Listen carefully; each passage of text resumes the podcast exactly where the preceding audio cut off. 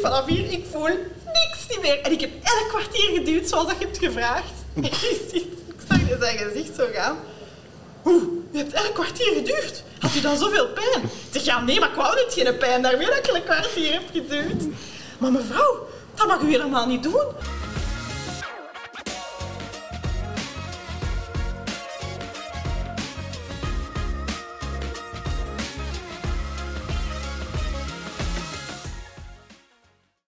Van der Mijnen. Annelore, welkom op de podcast van uh, Studio Digitaal. eigenlijk?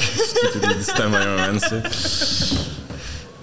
Waarin dat we iedere week een beetje babbelen met oftewel organisaties, oftewel jonge mensen, oftewel mensen die wel al het een en het ander hebben meegemaakt, zodat dat zowel jonge mensen daar iets van kunnen leren. Eh, nu is het dat laatste, denk ik. Maar dat is ook vooral een heel groot platform voor andere organisaties, zodat de jongeren weten dat andere organisaties bestaan.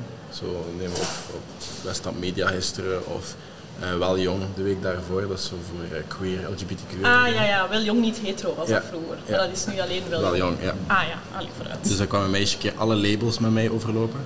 Dus wat is queer, wat is lesbisch? Bijvoorbeeld lesbisch, kan je dat definiëren? Want als je zegt een vrouw een vrouw, dat is niet inclusief genoeg. Want non-binaire mogen ook lesbisch gebruiken. Dus die komt dat allemaal een keer uitleggen. Oké. Maar dat is, eh, dus deze podcast is dan een beetje zo'n platform voor dat iedere jongere wel weet van die dingen bestaan. Er kunnen naartoe. En die weten dan ook natuurlijk dat Studie Digitaal ook bestaat. Oké. Ehm, en anderzijds ook gewoon een platform geven aan jongeren die een beetje moeite hebben met werk te zoeken of met Ja, whatever. ja, ja. ja. Dus, eh, Maar wij wouden eigenlijk een podcast opnemen, eh, eh, straffe verhalen. Ja. Want hij had een keer over de middag een idee van moeten straffe verhalen Wel vaak van vertellen. die strafideeën ook. We moeten gewoon een uur straffe verhalen vertellen. Ik heb veel te vertellen. ja, En dan heb ik dacht, is gewoon een podcast opnemen en een keer testen. ja. Ehm, waar gaan we beginnen? Wie ben jij en Ja, wat heb je... ja ik ben dus eh ja, Hannelore. Hè, ja. Wat valt daar voor de rest nog te zeggen? Dat is trouwens een van de eerste vragen dat ik ooit in een van mijn eerste sollicitatiegesprekken ge- kreeg. Vertel eens iets over jezelf. Wat zeg je dan? Ja, ik ben helemaal beginnen flippen. Want ik wist echt niet wat ik moest zeggen. Ik denk, ja, wat valt er dan nu over te zeggen? Ehm, ja, ik, ehm, ik ben altijd iemand geweest dat enorm eh, bezig was met computers en technologie. Dat heeft mij al van kleins af aan eigenlijk enorm getriggerd. Ehm, ik weet nog, ons papa die ging vroeger zo naar China voor het werk. En dan had hij voor mij zo een MP4-speler meegenomen. En dat was, dat was toen een, iPod, dat, dat bestond... Allee, dat was zo gewoon dat stokje met een tandwieltje aan, maar dat was, Ja, dat was toen nog niet met dat, met dat beeldscherm op. Dus dat was, ik weet niet hoe. Maar dat stond in Chinees. Ah ja, want dat was in China gekocht. En ons papa geeft dat aan mij. En ik denk, ja, oké. En dat, dat speelde dan zo één filmpje op van zo een Chinees lieken. En ik dacht, ja, pff, ik ga dat hier gewoon in het Engels of zo zetten. Hè. Dus op de een of andere manier heb ik dan toch in het Engels gekregen. En dat zijn zo de dingen dat ik heel graag deed. Ik wijze graag dingen uit elkaar. Ehm, ja, ik was ook al heel jong, hadden wij thuis een computer, omdat papa dat ook voor zijn werk nodig had. En dan was ik heel de dagen bezig met alle icoontjes dat vroeger in Word zaten, al die afbeeldingen dat daar vooraf... Dan, ik zette die allemaal onder elkaar en dan printte ik die uit. Zo die dingen. Ja, maar dat was toen ook allemaal mega zot, hè. Word, allee, dat, Ja. allee, ja, jullie kunnen dat... Allee, je kunt het je waarschijnlijk niet voorstellen. Ehm, dus ik ben daar altijd wel mee bezig geweest en, en ook zo websites aan maken, heel jong al. Dat was zo vroeger GeoCities of zoiets noemde dat. En dan kon je zelf vrij gemakkelijk een website maken. En ik kon me daar uren en dagen mee bezighouden. En dat is zo'n beetje, denk ik, de rode draad doorheen alles wat ik heb gedaan. Ehm, ik ben wat dat betreft zo nooit het typische kind geweest dat... ehm, ja, ik, ik was altijd zo wat buitenbeentje. Dan had ik het gevoel, mensen vonden mij ook altijd wat raar. Van, ah, dat is die raar. Omdat ik ook altijd wat gekke ideeën had of met, allee, gekke dingen bezig was. Ook wel zo wat ondernemend. Ik kon zo, ja, dingen kopen en verkopen en zo kleine zaakjes oprichten en zo. Dat, dat vond ik wel tof. Ehm, dus ja, en, en dat is vandaag denk ik nog altijd zo. Ik kan enorm enthousiast zijn over nieuwe ideeën en dingen opzetten.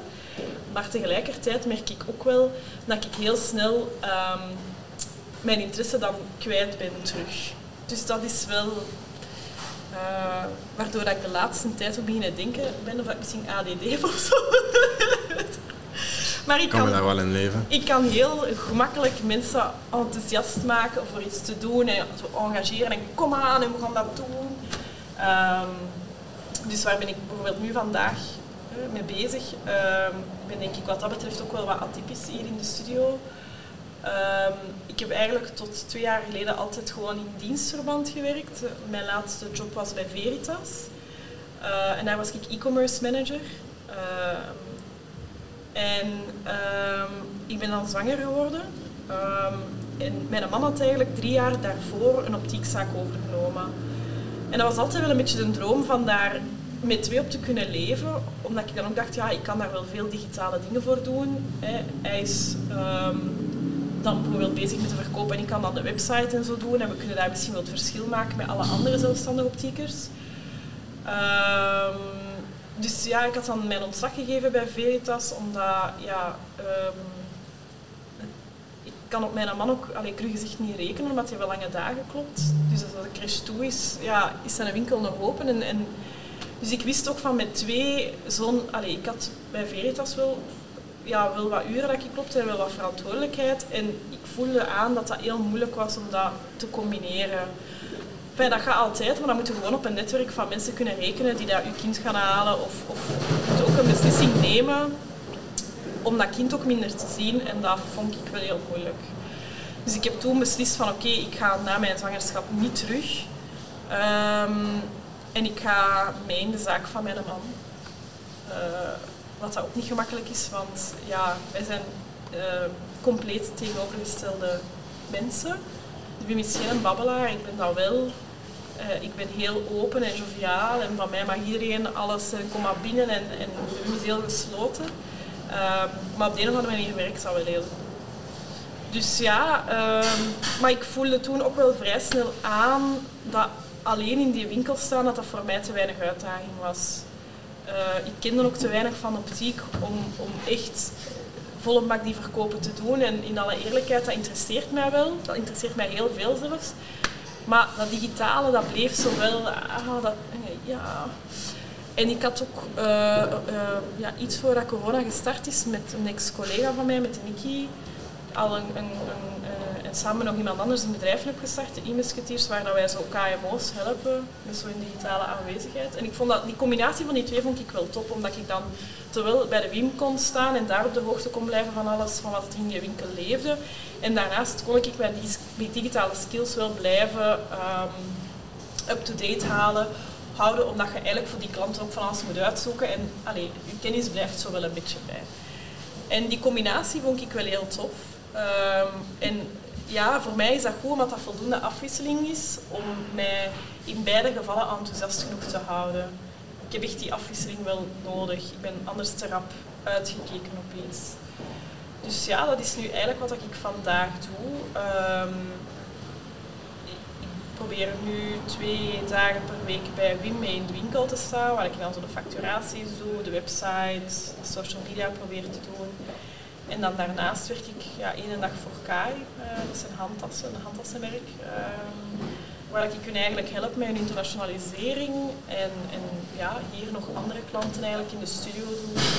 Um, en, dan mee die coöperatie eigenlijk uh, proberen uh, van grond te krijgen. Dus ja. Um, en met e heb je ook zo wel kleine bedrijfjes, hè? Ja, klopt, inderdaad.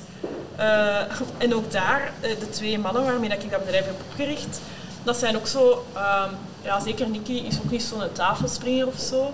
Dus het was al heel duidelijk dat dat mijn rol was om die klanten te gaan werven. En dat zij dat dan wel, ze zijn keigoed wat dat ze kunnen, maar Nicky is zo niet de grote verkoper. En dat is dan wel een rol dat ik graag op mij neem. om zo wat, ja, enthousiast te zijn. Hè. Om, om enthousiast te zijn over de Nicky oprecht, omdat ik echt oprecht vind dat hij dat werk ook goed doet. Dus dan is het natuurlijk ook wel gemakkelijk om dat te verkopen uh, als je er 100% achter staat. Uh, dus ja, dat is nu een beetje waar ik mij mee bezig hou. En ik vind dat wel tof, ja, die afwisseling. Dat, ja. Uh, maar dat maakt het ook wel soms... Ehm, en dan ben je bij Kat in gekomen? Of? Ah ja, ja. Bobby en Kwaad, ja, dat was ook weer zo'n idee dat ik bij een kop had. Hè. Ehm, dus we hebben een kat, we hebben zo wat een, een, een zo, ja, zo luxe kat, hè. zo een met lange haren, wat een chique kat. En ehm, ja, al die meubels dat je zo kunt kopen in Van Gastel en zo, dat is kei lelijk. Hè. En ehm, ja, ik had zoiets van, dat moet toch beter kunnen. Dus ik had aan Nicky en, en Bram zot genoeg gekregen om, om daar een website voor te maken, een webshop. En ik had gezegd, ja, maar ik zal alles wel doen. Jullie moeten gewoon de webshop maken en de advertenties en zo doen. Dus ik ben dan op zoek gegaan naar leveranciers die dat echt mooie spullen aanbieden. ehm, die we dan konden verkopen. Dat was dan via dropshipping eigenlijk. En tegelijkertijd was dat ook een beetje ons visitekaartje naar klanten toe van kijk, zie wat dat wij kunnen. Wij hebben zelf die shop opgericht, van A tot Z gedaan. Wij doen alle communicatie daar rond.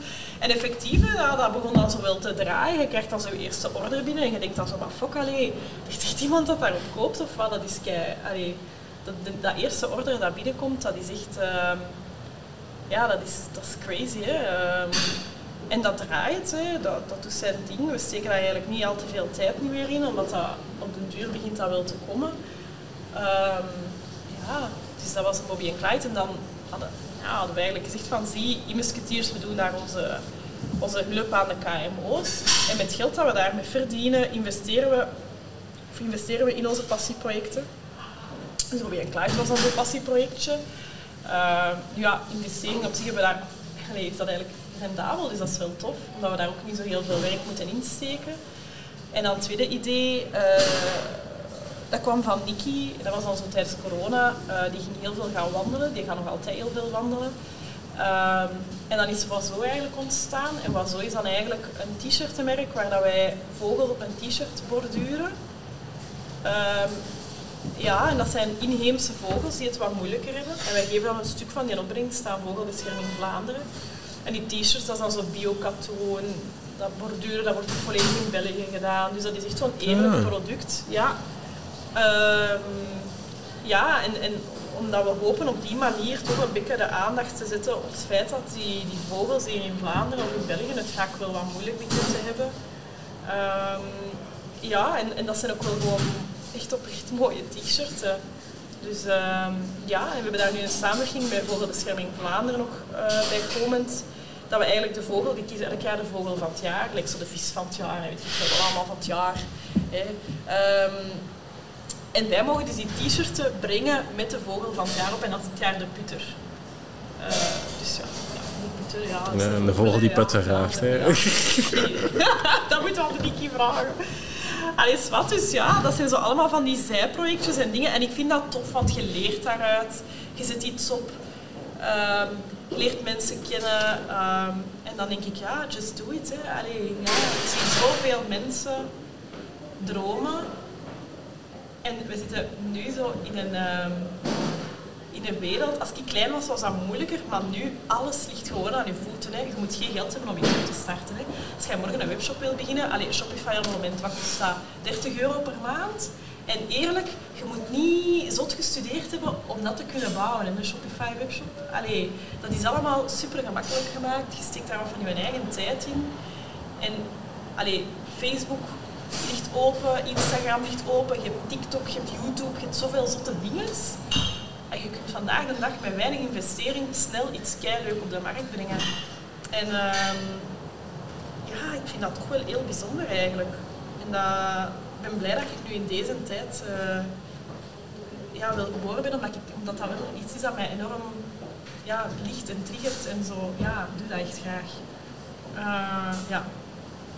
Dus ja, wie is Hanne Loren? Ja, Bezig bijtje. Bezige bij, duizendpoot, altijd storm in mijn hoofd, met van alles bezig. Vergeetachtig soms ook. Maar die zei vroeger altijd dat ik zo met iets kon beginnen spelen. En dan zag ik iets anders, dan mocht ik daar met te spelen. En dan was ik vergeten dat ik daar nog gewoon had staan en zo. Dat, ja, dat typeert mij wel. De Niki noemt mij ook een eekhoorn. Waarom? Ja, ja, dat, ik zo. Dan zegt hij altijd, ah, squirrel. Zo. En, en dan, ja, ik ben rap weg. Allee, zo, ah ja, oh ja, oké, ja, oh, roep. Ja, Ja, zo op die manier. ja, Maar je hebt zo de stap gemaakt bijvoorbeeld van Veritas, dan een zanger en dan zelfstandig. Dat, is dat dan niet zo... Was dat niet moeilijk? Om zo van een vaste job voor zo'n groot bedrijf dan zo te zeggen van ik ga het zelfstandig doen? Ja, uh, op die moment was die stap al niet groot niet meer, omdat wij de optiekzaak al hadden opgericht. Ah, ja, ja. Maar de stap van, die, van niks naar die optiekzaak, dat was echt, uh, ja. Um, dat begon eigenlijk met dat overnameproces. Uh, mijn man is nogal een zware onderhandelaar. Die moet ook het gevoel hebben dat hij een deal heeft gedaan of die wil dat niet doen. Maar die gaat naar alles door. Als wij ruiten kopen, alleen ramen, dan ja, ja, ik kan daar duizend verhalen van vertellen. Die moet echt altijd onderste uit de kan halen. Wat dat kei leuk is, want we hebben wel heel veel geld bespaard. Dus die onderhandeling van die zaak ook, allee, dat was dan zo. Um, hij was toen vertegenwoordiger in, uh, heel Vlaanderen van een, voor een bepaalde glasfabrikant. Dus je kende alle optiekzaken in België en die wist ook degene die te koop stonden en welke dat ze daar van potentieel hadden. Dus zo kwamen wij bij die zaak uit en hij had met die zaakvoerder een enorm goede band. Dat is eigenlijk nog altijd vandaag een beetje zo wat, ja, een vaderfiguur voor hem, want hij heeft zelf niet echt een vaderfiguur gehad. Dus ik merk dat daar echt een hele sterke band is. Dat zijn ook twee dezelfde uh, types van mensen. Dus die kwamen heel goed overeen. En die had ook gezegd van, zie, ofwel neemde jij die zaak over, ofwel doe ik ze toe, maar ik ga ze niet aan iemand anders verkopen. Dus we wisten al wel van, oké, okay, is dat wel in kannen en kruiken, nu moeten we gewoon dat bedrag nog afspreken. En ik weet dat ik op een gegeven moment heb gezegd van, Wim zei, ja, dat komt niet goed, want wij komen dat bedrag niet overeen. Ik zeg, ja, zal ik even meekomen om zo wat de neutrale partij die onderhandeling te zijn, want ik weet dat de Wim nogal agressief kan zijn in zijn onderhandelingen. En dan doet hij zo boeken toe gedaan, ja, dan komen we niet tot een overeenkomst, dat is heel jammer, in de hoop dat als je de deur open doet, dat ze u terugroepen, zo. Ken het? Die manier van, ja maar wacht, ja maar wacht even, ja maar wacht. Hè? Dat is zo die zijn ding. Maar ik ben iemand van, oké, we moeten hier alle twee goed van worden, proberen tot een overeenkomst te komen. Ik ben zo meer dat zal dus ik ben dan meegegaan en het was dan zo direct al discussie. Ik zeg, ja maar wacht, stop, stop even meer met twee te staan discussiëren. Uiteindelijk willen je dan alle twee hetzelfde, maar je beseft het gewoon niet. Dus zijn we tot een overeenkomst gekomen, alles wat. En dan kwam het moeilijkste en dat was eigenlijk dat financieren van die overname bij de bank. En ja, de dag voordat wij naar de notaris moesten, was mijn man nog aan het bellen met de bankdirecteur over de rentevoet van de lening. En ik weet nog, ik hoorde dat zo nog zitten. Wij zaten buiten op het terras. Het was zo wat deze weer. Het zal ook rond die periode geweest zijn. En ik weet nog dat hij zegt... Ja, Vincent, maar allee, als ik het niet aan die rentevoet krijg, ja, vergeet het dan maar. Dan loopt het maar zo. Maar ik dacht, maar loopt het maar zo, maar loopt het maar zo. Dat gaat niet meer. We hebben dat wel al half getekend, hè. Dus ik stond daar op dat terras om kan over te geven van de stress. Want ik deed zo teken van, ja, maar jij moet hier niet overeenkomen, hè, maat. En de Wim die legt een telefoon af en die zegt... Geef dat twee minuten en je belt terug en we hebben die rentevoet. Zeg, maar je beseft toch dat jij hier echt wel aan het gokken bent, maat? Met je eigen toekomst, hè? Ja, ja, ja, dat komt goed. Ja, twee minuten later telefoon, ja, het is in orde. Geet je rentevoet. En dan denk ik zo, maar godverdomme. Allee, hij heeft toch weer gedaan gekregen. Wat dat niet goed is, want dat sterkt hem in de overtuiging dat zijn manier van, van onderhandelen juist is. Hè, wat dat soms heel moeilijk is. Hè. Allee, hoe? Wij gaan die bankdirecteur dat krediet te tekenen. En op een gegeven moment zwiert hij zijn portefeuille op tafel. En hij zegt zo, ja Wim, pak hem maar, pak een portefeuille maar. Je hebt onderste de kan gehad en je hebt de kan erbij gekregen. Dus, gelukkig, die bankdirecteur, dat, is een, dat was een jonge gast, zo onze leeftijd. Uh, ook al zoveelste generatie van, van, uh, van een bankfamilie, zeg maar. Ik noem hem wat de Wolf of Wall Street, super toffe kerel. Ook echt bereid om in jonge mensen te investeren, mijn idee. Dus dat vinden vandaag de dag niet meer. Dus die, die zei ook achteraf van, ah, die onderhandeling met Wim, dat is, voor mij is dat I love it. Hè. als je de Wim aan de lijn hebt, dan weet ik al van, het zal weer wat zijn, maar eigenlijk vind je dat wel plezant. Dat is natuurlijk iets anders dan eh, wat dat de meeste mensen doen in zo onderhandelingen over leningen. Heel schaaps volgen. Ah ja, ze geven dat in de computer, enter, enter. Dat is budget, dan mogen jij dingen en dat is uw rentevoet. En de meeste mensen beginnen daar niet over te onderhandelen. Dat ze niet durven, omdat ze die materie niet kennen. Um, de Wim kent die materie ook niet, maar heeft wel de durf. Dus ja, uh, voilà. Dus ja, en dan hadden wij die zaak. En, en dat, die eerste dag ja, ik weet dat nog goed. Ik was aan het werken bij de Veritas. Die winkel ging open. Dat is zo mega onwezenlijk. Hè. Plots ineens heb je daar een winkel. En dan vraag je af, ja, gaan die mensen nog wel komen? Want die zaak bestond daar al 30 jaar, maar plots staat daar iemand anders in. En gaan die dat wel slikken? Ook zo'n dorpszaakje. Iedereen kent iedereen daar. Wij waren totaal niet van dat dorp. Dus complete ja, immigranten, hè, om het zo te zeggen. nu hadden wij het geluk dat dus die vorige eigenaar uh, echt zo die eerste weken, maanden daar toch superveel aanwezig was en ook echt wel aan de mensen zei van ja, ja maar de Wim gaat dat goed doen en vertrouwt de Wim maar. En, allee, dus ja, dat ging dan wel eigenlijk vrij goed. Um, en ik weet nog goed dat ik na die eerste dag belde van ja schat, en? En iets verkocht. Is er iets binnengekomen? En dan zo, ja, ja, ik heb iets verkocht. Oh my god, kei zot. Allee, ja, en, en dat is beginnen groeien. En, en uh, ja, wij zijn dan ook zo wat digitaal daarmee beginnen adverteren. Want dat was, die, had, die, een website met zo openingsuren op, maar dat was het. Dus wij zijn direct een website beginnen bouwen, blog beginnen, beginnen schrijven. En, en je voelde dat daar zo een ander publiek... Allee, dus dat, dat oud publiek is blijven komen, maar daar is een invloed gekomen van, van nieuwere mensen. Um, je ziet ook niet best omsteld. uh, en ja, dat is beginnen groeien en dat is eigenlijk vrij goed beginnen groeien. En um, ja, toen voelde ik al van dat zelfstandig leven is misschien wel iets voor mij, omdat de gratificatie dat je krijgt van dat zelf op te bouwen ten opzichte van maar dat was misschien de situatie dat ik toen bij Veritas zat, voor een baas te werken en het gevoel te hebben dat je niet altijd bedankt wordt voor de bewezen diensten. Um, ja, dat heeft voor mij uiteindelijk ook de stap doen zetten van fuck this shit, ik ga vanaf nu volledig zelfstandig werken. Um, maar natuurlijk voor mij is dat een hele gemakkelijke stap geweest, omdat ik wel de zekerheid had van oké, ik kan, ik kan een, een, een, laag basisloon halen uit de zaak van de WIM en dat is voldoende om onze basis met te coveren. Eh, dus, dus dat, ja, die sprong was veel kleiner. De sprong daarvoor van die zaak open te doen en uh, een comfortabele job die dat Wim had met goed loon op te geven voor iets waar je eigenlijk niet van weet wat dat het gaat worden en dat je potentieel de rest van je leven zwaar in de in de schulden steekt, dat vond ik veel groter. Nee, ik zou alleen heel veel zo bijvoorbeeld met coöperaties, zoals ik zo hoor, zo, zo, soms wil je zo onzekerheid hebben. Zo. Ja, en ja. dan denk ik dat die sprong ook wel zo'n moeilijke is. Ja, ja, absoluut. En ja, dan, uh, we waren anderhalf jaar open eh, en eindelijk begonnen wij zo uh, je, je, maakt een put, je begint, je koopt je collecties aan en dat kost allemaal ongelooflijk veel geld, genoeg investeringen. En je zit dus een gigantische put die dat je stilletjes aan zo wat begint op te voelen en je begint zo te zien van oké, okay, mm -hmm, ja oké, okay, ça va, ça va, dat begint hier goed te komen en dan ineens corona. Uh, en ik weet nog heel goed, ik werkte toen bij de Veritas, dat, dat mijn toenmalige baas, de Peter, shout-out naar de Peter, de beste baas dat ik ooit in mijn leven heb gehad trouwens, uh, daar kunnen we later nog wel even over vertellen. Uh, die, die, belde mij en die zei, ja Lore, ik denk dat morgen, als we zo zien dat de signalen dat wij krijgen hier van de overheid, alle Veritas winkels gaan morgen toe moeten, dus uw webshop, kan je dat aan als daar plots op een dag een miljoen mensen naartoe komt? Uh, ik weet niet, ja.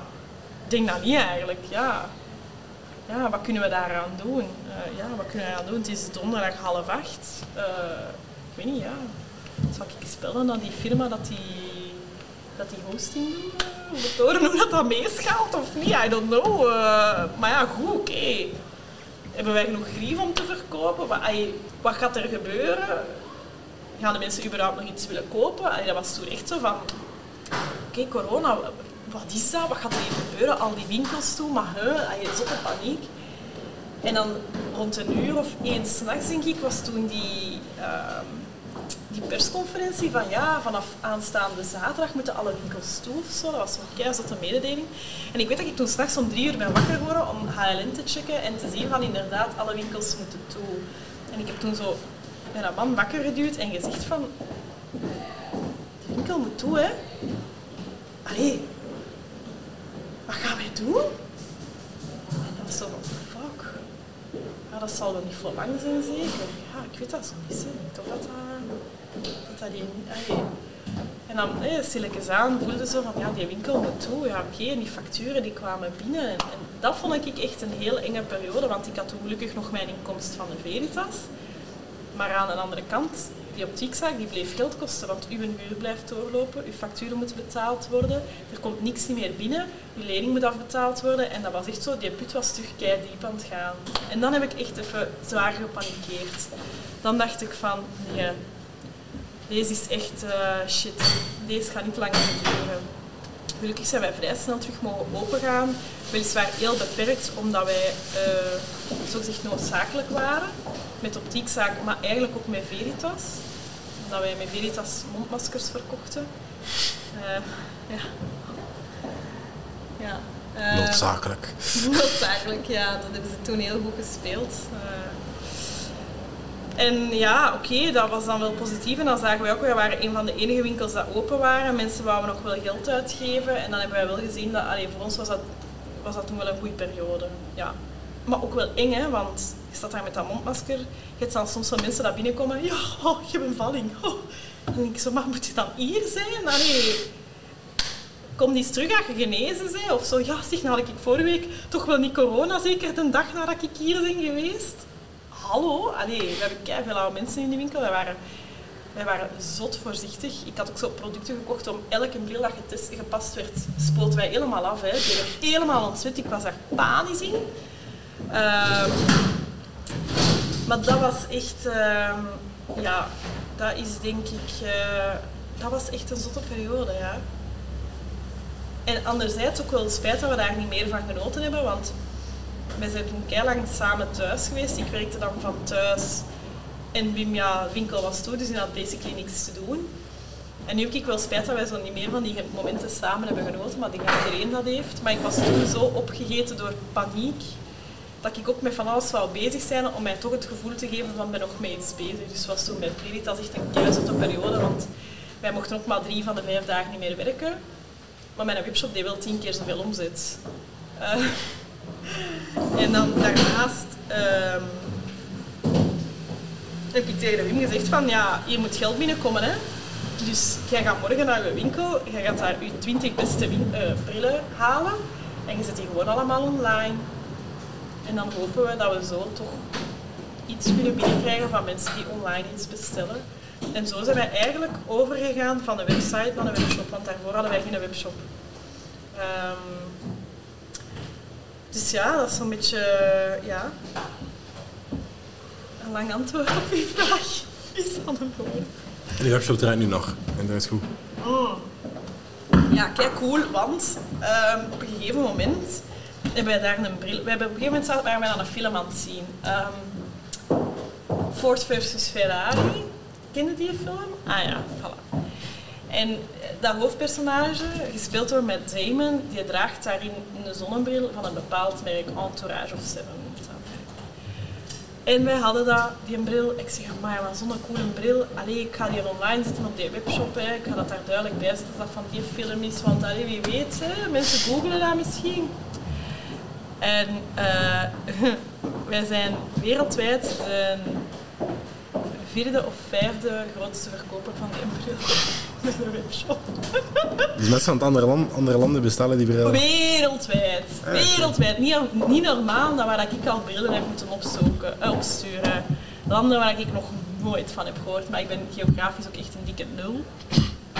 Dus ik heb ook eens voor gehad dat ik een bril naar Australië had opgestuurd, maar dat was Austria, dat is blijkbaar Oostenrijk. Ja. Zo van die dingen. Uh, ja, dus kijk cool hè. Dus ja, we hebben kei veel mensen dat die een bril uh, kopen. En daarnaast hadden wij ook... Uh, ja, als we die winkel hebben overgekocht, dat was een kelder vol met stok van de afgelopen ja, 30, 40 jaar. Ja, ik heb zo wel wat jaren in de fashion gewerkt, dus ik ken zo wel een beetje de waarde van bepaalde merken. Dus ik ben daarin beginnen zoeken. En daar lagen echt ja, parels. Uh, Christian Dior, Dior, uh, Laurent, Fritz, Carrera, uh, Porsche. Zot schone monturen. Ik zeg tegen Wim, ja, daar gaan we iets mee doen. Hè. Dus ik heb vintagedesignerframes.com allemaal online gezwierd of toch een selectie, even checken wat dat geeft. En wij verkopen dus soms kijk, want dat zijn dat is een prachtige montuur, maar dat is natuurlijk ja, een beetje een acquired taste in die zin dat dat... Ja, vandaag is zo vintage bij de jeugd wel... Hè, maar Ja, cool, hè. Het zijn ook nog vaak wel vrij dure monturen. En, en dan verkopen wij dat zo... Onlangs heb ik een opgestuurd naar zo een keizot adres in New York. Zo, ja, wat is dat, Fifth Avenue of zo. Allee, zo. En dan liggen opzoeken van wie is dat dat hier gekocht heeft. Dat bleek dan zo'n kunstenaar te zijn. Die dat zo'n een, Dior Monsieur van, van 20 jaar oud had gekocht. En die ging daar dan daar in New York glazen in laten zitten. En die ging daar dan zo mee rondlopen. Ja, als ik dat opzet, dan denk ik eigenlijk een circusartiest zijn. Hè? Maar die mensen komen daar dan zo mee weg. Dus dat vind ik dan ook heel leuk om met dat soort van dingen zo te beginnen een beetje, ja, eh, te testen van oké, is daar een vraag naar? Kan ik daar iets mee doen? Ehm, hoe gaan we dat hier in de markt zetten? Zo wat spelen eigenlijk, ja.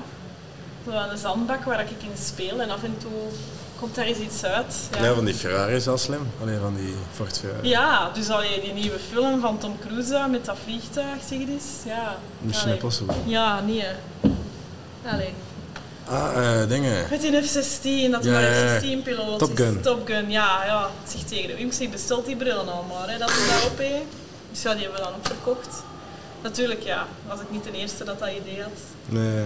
En dan onlangs kwam de vertegenwoordiger van Maikita, kijk gewoon brillenmerk langs, en die zegt tegen mij, hier, dat is een kei coole bril, dat zo, ja, zoiets heel speciaal. Hè. En de Wim zet dan op, oh ja, ja, ik ga die bestellen voor mij voor in de auto. Ik zeg, salut, dat jij met dat ding in de auto gaat rondrijden, Eh, niks daarvan, de mensen gaan denken dat je een pooier bent. En dan zo'n week later zegt zo in het laatste nieuws dat Beyoncé die een bril op heeft, die daar een wereldtournee, zo die, wat is het? Ik denk, ah, fuck. Zie je dat ik die toch wel moeten kopen. Het is gewoon een vrouwenbril. Ja, het is gewoon een vrouw. Ja, het is echt zo, ja, zo, zo'n bril, zo, ja, precies van een robot. Hè. Allee. Maar die vindt dat dan tof van daarmee rond te lopen. Maar ja, zeg, eh, ja, gewoon ook maar in Bonijn. Nee. Gaan de mensen niet denken. Gaan de mensen die hier in de straat niet denken, ze hebben wel een idee. Eh, ja, dus ja, voilà. Maar ja, ehm, Je hebt ook een kindje toen. ja. ja, onze Rafael, hè. Hoe oud is hij nu? Hij wordt eind augustus wordt een twee. Eh, en dat Ah, is, ze komen na de optiek. Dan. Ja, ja, ja, ja. Eh, dat heb ik ook altijd gezegd van, ik wil echt, als ik aan kinderen begin, eerst, eh, zo bang ben ik dan wel, een solide basis hebben. Zeker zijn dat we de eerste drie jaar halen, want de eerste drie jaar zijn vaak zo de cruciale jaren dat je iets opstart om failliet te gaan. Hè. Allee, het is een beetje de eerste drie jaar, gaat het, gaat het gaan of niet? Dus dat wou ik echt even stabiel hebben. Ehm, ja, en dan met corona ja, was het zo van, ja, wat gaan we doen? En dan had Veritas gezegd van, ja, we gaan een nieuwe webshop bouwen. Dus ik dacht, ja, het is nu even niet het moment om zwanger te worden, want dat traject wil ik echt wel graag meedoen. Eh, dat was nog voor corona. En dan, ehm, op een gegeven moment zijn wij overgenomen geweest en in het plan stond dat er een nieuwe webshop ging gebouwd worden. En die overname, die overnemers hadden dan eigenlijk vrij kort na de overname gezegd, ja, die webshop, we geloven daar toch niet in. We gaan eigenlijk vol voor folders gaan en die webshop gaan we eigenlijk niet meer doen. Dus ja, ik wist van, oké, ja, mijn verhaal is hier eigenlijk uitgeschreven dan. Dus ik zeg tegen mijn man, zeg, nu gaan we voor een kind. Ja, dit is wij aan het proberen. En eh, ja, op een gegeven moment word ik zo, dan is corona begonnen. En ik word op een gegeven moment bij, bij mijn baas geroepen. Ja, natuurlijk, die webshop door corona in de Ja. lucht geschoten. En dan is het ook beslist van toch maar een webshop te doen. Ja, de, allee. En eh, ik word bij mijn baas geroepen, ja, ze hebben toch beslist van een nieuwe webshop te doen. Ik dacht in mijn eigen, ja, dat zal toch zonder mij zijn binnen een paar maanden, want eh, ik ben zwanger. Ja, dat was wel even, ja, eh, ja, goede timing, slechte timing. eh. ja, heftig project, want eh, na de aanloop van dat project ehm, was ik dan juist zwanger en ik heb eigenlijk heel snel eh, tijdens mijn zwangerschap was ik ongelooflijk mottig. Ik denk dat ik twee weken, ja, twee weken zwanger was, of, allee, dat je dat weet. En twee weken daarna werd ik echt misselijk, heel de dag door. En dat is een misselijkheid dat je niet kunt vergelijken met een ergste buikgriep of zo. Dat is echt boeken toegedaan, je kunt niks niet meer, je bent constant misselijk, je kunt niet meer nadenken. maar ja, we waren wel met dat webtraject bezig. Dat waren super intense meetings. Dus ehm, ja, ik lag altijd zo ja, in de zetel bij die meetings, zo bleek als niet, een emmer naast mij. Dat was echt verschrikkelijk. Ehm, ik ben ook keihard veel bijgekomen. Ik ben 30 kilo bijgekomen tijdens mijn zwangerschap. Zware baby. Zware baby, ja. ja. Dus ja, 30 kilo bij op 50 kilo, dat is meer dan een helft. Ja, ja. Dus ik was echt een... eh, ja... Ik was niet de mooiste, eh, mooiste zwangere dat je ooit al hebt gezien. Mensen herkenden mij ook niet meer. Ehm, mijn voeten die waren drie keer zo dik, dus ik werd daarop aangesproken op straat van... Amai, uw voeten. Ja, hallo, allee, dat weet ik zelf ook wel. Ehm, het ergste dat ik ooit heb meegemaakt, dat was... Ik zat ehm, op een terras van een restaurant met vriendinnen. En daar komt iemand aan dat ik ken en die steekt over aan de lichten en ik doe zo van verse van Hé, hey, hoe is het? En die kijkt naar mij en je ziet zo van, die weet echt niet wie dat je bent. En die zegt hij zo, hè. Amai, jij dik. En dat vond ik echt, ik zat daar juist met mijn voorgerecht. Ik dacht, fuck this, ja. Ik was echt, ja, vrij snel al enorm veel vocht dat ik ophield. En dat is verschrikkelijk, hè, want allee, je past niet meer in je kleren, je kunt je schoenen niet meer zelf strikken.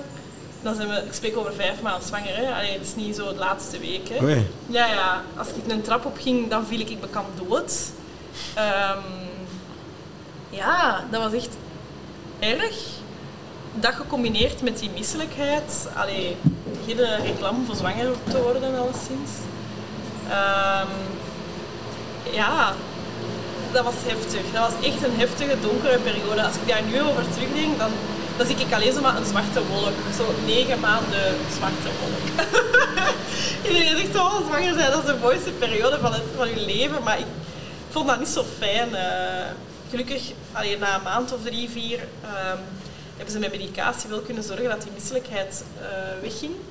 Maar je pakt natuurlijk niet graag medicatie als je zwanger bent. Dus dan dacht ik, daar zo ook een paar keer mee proberen te stoppen. Van, oh, ondertussen zal het wel over zijn. Want ze zeggen altijd zo, na je 12 of 20 weken kun je normaal niet meer mottig zijn. Dus ik was gestopt met die medicatie, waardoor die misselijkheid drie keer zo zwaar terugkwam. Dus dat was echt geen optie. Ehm, ja, dus ehm, dat was niet zo tof. Maar ik heb gelukkig wel een goede bevalling gehad. Ehm, ik heb wel het gevoel dat ik zo door mijn negen maand afzien. dus ik was ehm, meer dan een week over tijd. En ik had ook wel gezegd tegen de gynaecoloog van, allee, we gaan, we gaan hier niet, we gaan niet zoveel over Het moet tijd eruit. gaan. Ja, ik bedoel, ik ben echt muug. Eh ofwel haalde jij het eruit, ofwel haalde ik het eruit. Mocht kiezen. En dan hadden ze zo'n echo gedaan en hadden ze dus gezien dat mijn moederkoek aan het verkalken was. Dus die, dat was zo'n assistent en die zegt dat zo, ja, je moederkoek is aan het verkalken. Ik zeg, ja, wat wil dat zeggen? Allee, ja, ga ja, ga ja, ja, dat is eigenlijk niet zo goed. Ik zeg, ja, beste is eraf dus. Ja, ja, eigenlijk wel, ja, eigenlijk wel. Dus, ja, dus ik moet in gang gezet worden. Ik ja, oké. Dat was niet mijn ideale scenario, omdat ik van iedereen had gehoord dat je zo in gang wordt gezet, gelijk als ze zeggen, dat die weeën kei snel komen en dat ze niet snel genoeg u een pijnbestrijdend middel kunnen geven, wat ik wel degelijk wou, want ik ben echt super kleinzerig. Ehm, dus ik heb dan, eh, dus ik had er keihard de schrik voor. Dus ik moest binnengaan en ik weet dat nog goed. Dus de nacht voordat ik moest binnengaan, de nacht daarvoor, dat is eigenlijk de laatste nacht in je leven dat je weet dat je kunt slapen. Want daarna komt die baby, de nacht, je weet dat je moet binnengaan in het ziekenhuis, je slaapt dus sowieso niet. En vanaf dan is die kleiner. Hè, dus ik wist, oké, deze is de laatste nacht dat ik echt nog eens goed kan slapen. En om een uur of twee s'nachts begint ineens het alarm van die fucking auto af te gaan dat hebben. En dat is een keer of zeven die nacht afgegaan. Ja, Land Rover Discovery, beste aankoop dat we ooit hebben gedaan. Wat was er dus gebeurd? Mijn man die was dus die dag eh, op mijn bevel, op die moment zijn alleen nog bevelen dat je ook geeft, eh, was hij naar de carwash geweest. En blijkbaar was er dus water gecijpeld in ja, die deurdinges van die auto, waardoor dat die sloten niet meer echt goed toegingen, waardoor dat je constant in alarm ging. Dat hebben we dan ook pas opgezocht op het internet een dag erna. Dus die nacht is dat alarm veel afgegaan. En je kunt ook niks doen, want als je die auto loszet, dan nog gaat de alarm na een tijd af. Dat is super irritant, ook onbegrijpelijk. Want als ik beslis van mijn auto los te laten, ja, dan vind ik niet dat het alarm moet afgaan als je die deur open doet. Nee. Land Rover beslist daar anders over. Die vinden zolang als je sleutel niet in je auto ligt en je laat je auto los, na een minuut, als je die deur open doet, garantie dat dat alarm gaat afgaan. Dus die nacht, ik was echt zo opgenaaid als niet, kei ambetant. Allee, wat gaan we nu doen? Want als, als die auto morgen aan dat ziekenhuis staat en dat gaat om de haverklap af, ja, allee, ik bedoel, je hoort dat ook niet, dan is die batterij. Wat als we naar huis moeten? Allee, ik begon helemaal te panikeren. Uiteindelijk bleek dan de oplossing van gewoon WD-40 in die deuren te spuiten. Eh, en dan is ja, je moet dan binnengaan. Eh, je wordt dan zo gevraagd om daar om zes uur s morgens te zijn, wat ook zo'n afschuwelijk uur is. Allee, voor wat moet ik daar om zes uur s morgens zijn? En jij s'avonds pas gaan bevallen of zo. Ja, dat weet je dus niet, hè, want ze zitten nu in gang. En dan zeggen ze eigenlijk van het eerste moment dat, je die, dat ze, je, als ze je vliezen breken, dan moet je binnen de zoveel uren bevallen. Ja, oké. Ja, dat is blijkbaar een regel, omdat je infecties krijgt of zo, whatever. Ja.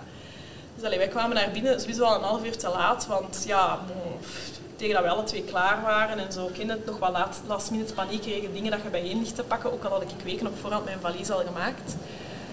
Ehm, je moet dan zo ook binnengaan langs de spoed. Wat dat ook al niet het meest aangename gevoel is om om zes uur s'nachts bij een spoed binnen te komen. Je ziet daar zo mensen dat daar zo aan het kermen zijn van de zeer. Ehm, en dan moesten wij zo door een ziekenhuis dat nog donker is, naar zo die materniteit wandelen. Allee, dat is echt... Ja, ze Ja. kunnen wel iets aan die beleving doen. Allee, ehm, en dan... eh, Het is een beetje lekker dingen, hè. Zo dat, dat, die ziekenhuisafdeling van net voordat je sterft. Dat is, dat is. Ik weet niet wat dat noemt. Heeft zo, dat is de plaats van dat, dat, dat je doodgaat. En dat zijn mensen die... En dat is, dat is uit hotelkamer en zo. En dat is allemaal netjes. En echt? zo. Ja, Ja, ja. dan weet je eigenlijk van shit. Ehm, Ik weet niet hoe dat noemt.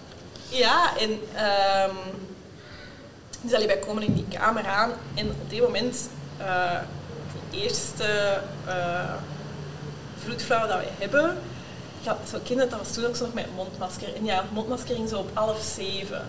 Zo, ja, allee, hoe moet dat zeggen in deftig Nederland? Dat ging zo half op die haar mond. En dan dacht ik zo van, maar hé, echt waar, ik zweer het, jij bent verpleegster. Je moet toch minstens weten dat dat mondmasker de neus en de mond moet allee, bedekken. Dus ik had daar al een kei slecht gevoel bij. Ik denk, ja, lap, als die hier mijn bevalling moet doen, dat komt hier niet goed. Hè. Allee, Chance zei die dan van, ja, eh, ik heb nu shiftwissel, dus allee, veel succes daarmee. Ik denk, ja, dat is. En dan kwam daar zo een jong meisje binnen, Kimberly noemde ze. Ik het nooit vergeten in mijn leven. En dat was echt zo, oké, lief meisje. Het was de eerste keer. Nee, ja, dat weet ik niet. Ja, ik denk niet dat ze al heel veel bevallingen had gedaan, maar goed, dat is een veronderstelling van mij. Het was al sinds een heel jong meisje. En eh, dus dan steken ze zoiets op om dat in gang te steken. En ze zeggen van ja, we steken dat elk uur op en dan zien we hoe dat die weeën komen en ze volgen dat op een monitor. Maar in het begin, ze steken dat op en je voelt dat zo niet echt. Hè. Allee, dus ik was nog een boekje aan het lezen, van Netflix aan het kijken. En dan op een gegeven moment begon ik zo toch wel een beetje zeer te krijgen. En ik denk, ja, Het is vandaag. Ja, en dan heb ik gevraagd, hoe, wat duur denk jij dat ik hier dat kind in mijn armen ga hebben? Het was zo aan 7, 8 uur s morgens. Ja, tegen 6 uur van de avond zal dat toch wel in orde zijn. Ik denk, fuck you, dat ik hier van nu tot van de avond aan deze zeer gaan, gaan zitten, dat alleen maar omhoog gaat. Hè. Dat, gaat dat, gaat niet minderen. Hè. En ik had dus al zo'n heel traject met mijn vroedvrouw daarvoor gedaan en voor uw bevalling, omdat ik nogal een bange ben. En ik dacht, ik wil me echt goed laten informeren. Ehm, en die had zo met mij het geboorteplan besproken. En dat is zo'n weg dat ze laten zien van wat er allemaal gebeurt en wat er kan misgaan en de beslissingen die op dat moment worden genomen. Ja, ik wil die tekening eens meenemen, daar worden we ook niet gelukkig van. Dus ik had zo allemaal van die doemscenario's in mijn, eh, in mijn hoofd. Ik denk, fuck, fuck, fuck, fuck, fuck. Dus ik begin zo wat zeer te voelen. En mijn man zegt, schat, vraagt mij hè, voor die anesthesist. Ja, ja, ja ik, kan, kan dat vragen. De volgende keer dat dat masker binnenkomt, ga ik vragen voor die anesthesist te bellen. Want ik had ook al van die horrorverhalen gehoord van, ja, de anesthesist die is een operatie aan het doen, die moet daarbij blijven. Dus als jij op die moment zegt, ik wil nu mijn epidurale, als die EP nog bezig is, gaat hij niet uit die operatie gaan komen voor u een epidurale te geven. Nee, nee, die wacht totdat die operatie gedaan is en dan pas word jij bediend. Dus dat kan zijn dat je daar nog drie uur zit te wachten op, op die anesthesist. Nee, niet met mij. Dus ik zeg tegen die Kimberly de volgende keer dat hij binnenkomt, zeg, juffrakke, eh, ik begin hier toch wel wat zeer te krijgen. Ik zou het appreciëren dat je die anesthesist al een keer belt. Laat je nou maar komen. Ja, maar mevrouw, je bent samen met vier anderen in gang gezet. En het is eigenlijk de bedoeling dat we dat zo'n beetje bundelen. Dat jullie alle vier tegelijk, dat een anesthesist maar één keer moet komen. Zeg, bundelen, bundelen. Ik heb hier geen groepon gekocht. Hè. Ik zou graag hebben dat ik hier mijn anesthesie krijg op het moment dat ik dat wil. En dat die andere drie trezen het op de kracht van hun eigen lichaam gaan doen, dan mogen zij zelf kiezen, maar ik niet. Ik wil hier mijn verdoving krijgen. Dus die, die verschoot zo al een beetje van mijn... Uh... Ja, allee, was misschien niet de beste versie van mezelf die een dag. Uh, dus die zo, ja, oké, ja, ik zal Ja, proberen. zeg, dat een vrouw die gaat bevallen, ik denk dat je wel iets kan inbeelden. Hè. ja, dat is eh, ja, speciaal. Ehm, dus die, die belt een anesthesist en allee, die is dan eh, gekomen. Hè. En dus dat is keizot, want ze steken dat zo ja, in je rug, in een bepaalde wervel. Dus je moet ook echt zo gaan zitten op de rand van dat bed. Zo gelijk met patatzak ineengedoken. Ehm en je mag niet bewegen. Want als je dat prikt op de verkeerde plaats, is het probleem. Dan kun je potentieel voor de rest van je leven ver- verlamd zijn. Ja. Dus ik zat daar en ik dacht echt... Amai. Maar als je ineens een week krijgt... Allee, dan kun je niet blijven zitten. Hè? Dus die zien ook op die monitor van... Oké, nu is de weef weg. Ja, oké, klaar. Voef erin. Hè? En ehm allee, dus je steekt die epiduraal erin en dat is keizot, want dus dat, dat middel dat steekt in een bakster. En die bakster dat hangt normaal zo aan een haak, weet je wel? Nee, nee, die een bakster dat zit in een kastje met een slot aan. Dus dan weten al, Dat is goeie shit. en dus die anesthesist zegt tegen mij, kijk mevrouw Kasteels, ehm, elk kwartier kun je op dat knopje duwen, daar zit een beveiliging op dat je je niet kunt overdoseren. Hè? Ehm, dus ik heb op die moment eigenlijk begrepen, elke kwartier moet ik op dat knopje duwen. En mijn man is ook zo wel een dat nogal graag medicatie pakt en zo. Hè. Moet geen zeer hebben. Dus die ook zo... Ja, schat, kwartier voorbij. En dan hoor je zo dat, dat bakje zo... Je hoort dat je dat middel in je lijf aan pompen is. En je voelt inderdaad zo... Die weer, je voelt zo weg hebben. Je zit hier nog op die monitor, maar je voelt dus niks niet meer. En gaandeweg, vanaf hier ongeveer tot hier, begint ook niks meer te voelen. Dus dan worden met een hamer opslagen, dat voelen niet meer. En ik had dus mijn eigen bokens mee met choco en cola's en dit en dat. En die mens zegt zo, mevrouw, wanneer heb je het laatst gegeten? Ik zeg, ah wel, als ik wist dat jij kwam, ik kan gauw nog een boterham met choco eten, dat ik zeker geen honger heb subiet als ik moet bevallen. Hè. Ja, dat moet je dus echt niet doen. Hè. Je mag echt niet eten als je weet dat je die epidurale gaat krijgen, want dat kan zijn dat je dat allemaal subiet begint over te. Ik had een sandwichje met choco en twee cola's achterover geslagen. Ik denk, ja, woeps, dat wist ik niet, dat heeft hier niemand mij gezegd. Eh, dus ik zei, ah ja, oké, ja, ja. En je mocht dus van zodra je die epidurale krijgt, maar ook, ja, je niet meer uit je bed. Dus ze steken je dan ook zo een ding voor te plassen, wat dat ook al super is. Allee, dat doet geen zeer, want je voelt niks meer natuurlijk, maar. En je mag ook niks meer met bruis drinken, omdat dat blijkbaar... De rectorraad. Ah nee, Wat blieft? de rectorraad. Nee, nee, nee dat, je dan, dat ligt dus ook je maagfunctie plat. En als je dan bruis drinkt, dan is er de kans dat je meer Hij moet overgeven, ja. ja. ja, ja. Het zijn allemaal dingen dat ze op voorhand niet zeggen. Maar goed, oké. Je hebt daar moeten barfen, nee. Nee, nee, dus elk kwartier, ik op dat knopje aan het duwen. Hè, en op den duur, vanaf hier, zo dood als een peer, jongen. En ik zei nou, ik zeg, amai, oeh, dat ben je zo wat... Ja, dat is kei raar, hè. Dat is gelijk dat je bij een tandarts zit, maar dan over heel je lichaam. Super zot. En dus een uur en een half later komt die, die anesthesist nog eens binnen. Mevrouw Kasteels, hoe is het hier?